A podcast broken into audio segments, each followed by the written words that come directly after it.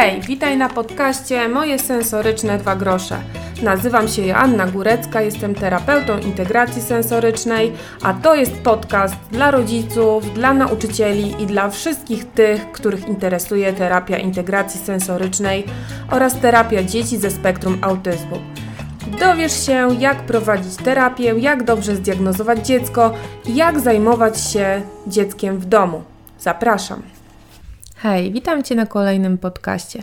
W tym y, odcinku zamierzam wyjaśnić, y, czym są bodźce sensoryczne i dlaczego informacje płynące ze zmysłów są niezbędne nam do nauki.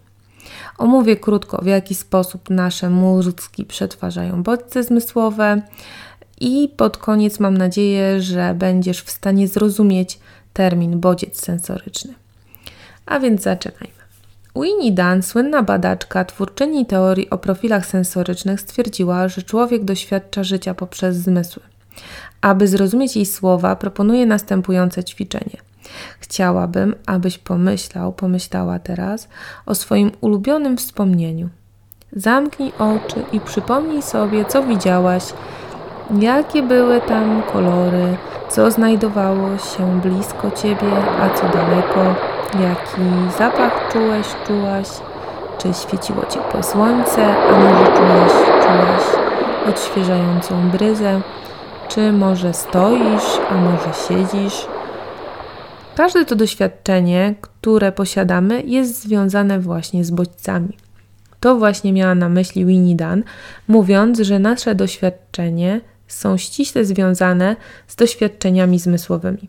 Kiedy prowadzimy na przykład rozmowę, używamy wielu zmysłów. Patrzymy na osobę, której słuchamy, możemy też bawić się długopisem lub, tu, yy, lub trzymać coś w ręku, stać lub siedzieć, gestykulować rękoma.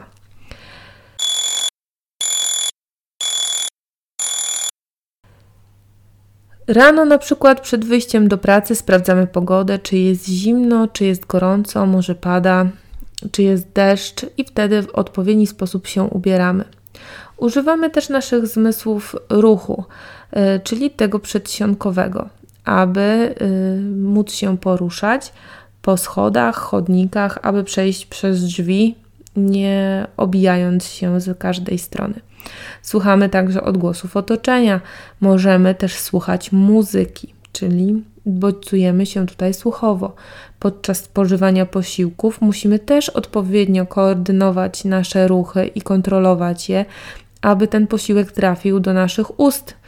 I wtedy też czujemy smak tego posiłku, zapach spożywanych tych różnych pokarmów. Czy to jest smaczne, czy niesmaczne. Również też to oceniamy. Wszystkie te informacje docierające do naszych zmysłów nazywane są właśnie e, rejestrowaniem tego bodźca zmysłowego. A więc bodziec zmysłowy, czyli ten sensoryczny, można określić jako dowolną informację, która dociera do naszych zmysłów.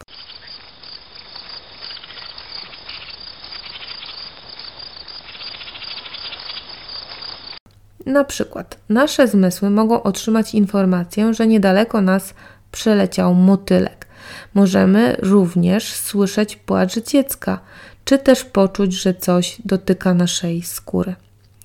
Te wiadomości ze zmysłów lub też bodźce sensoryczne są wysyłane do naszego mózgu za pomocą połączeń nerwowych. Mózg otrzymuje tą wiadomość i natychmiast ją rejestruje, a tym samym mózg dostaje informację, że coś się dzieje. Niektóre osoby mogą potrzebować więcej czasu na rejestrację informacji takich ze zmysłów, natomiast inne osoby mogą te informacje odbierać bardzo szybko. W kolejnym kroku nasze mózgi przetwarzają tą informację, aby w odpowiedni sposób zorganizować na nią odpowiedź. I ona też musi być adekwatna do tego, do tej siły bodźca. No to przyszedł czas na mój przykład.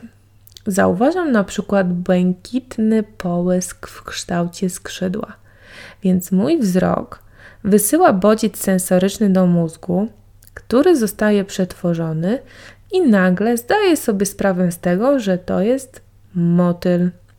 Odpowiedzią mojego mózgu może być uśmiech i podziw, zwłaszcza jeśli ten motyl jest ładny.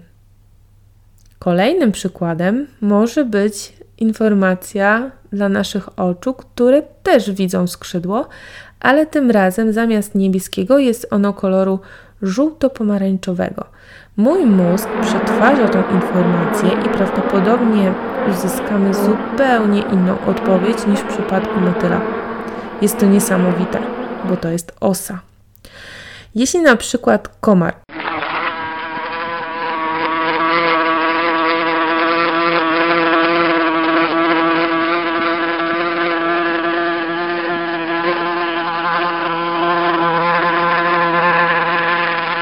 usiądzie ci na ramieniu, dostajesz informację do mózgu, żeby na niego spojrzeć swoimi oczami i dowiedzieć się, co cię dotknęło.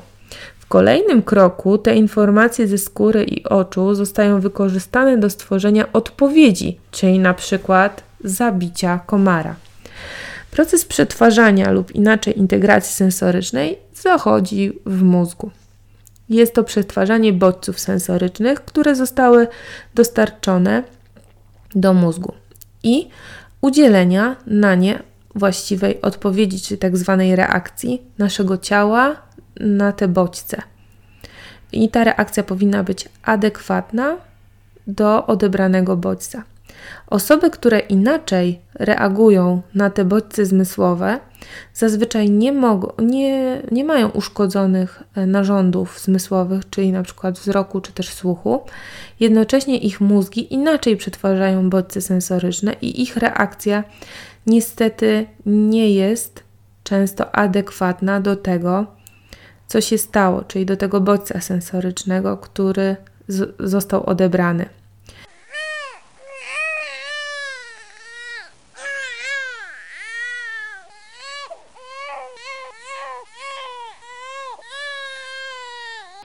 No i tym oto sposobem dotarliśmy do końca tego podcastu. Mam nadzieję, że lepiej już rozumiesz pojęcie bodziec sensoryczny i zaczniesz bardziej zastanawiać się nad tym, w jaki sposób odbierasz otoczenie poprzez informacje ze, ze zmysłów. Dziękuję za wysłuchanie i zapraszam Cię na kolejny odcinek podcastu. Do usłyszenia. Moje sensoryczne dwa grosze. Bądź na czasie i o czasie w rozwoju swojego dziecka.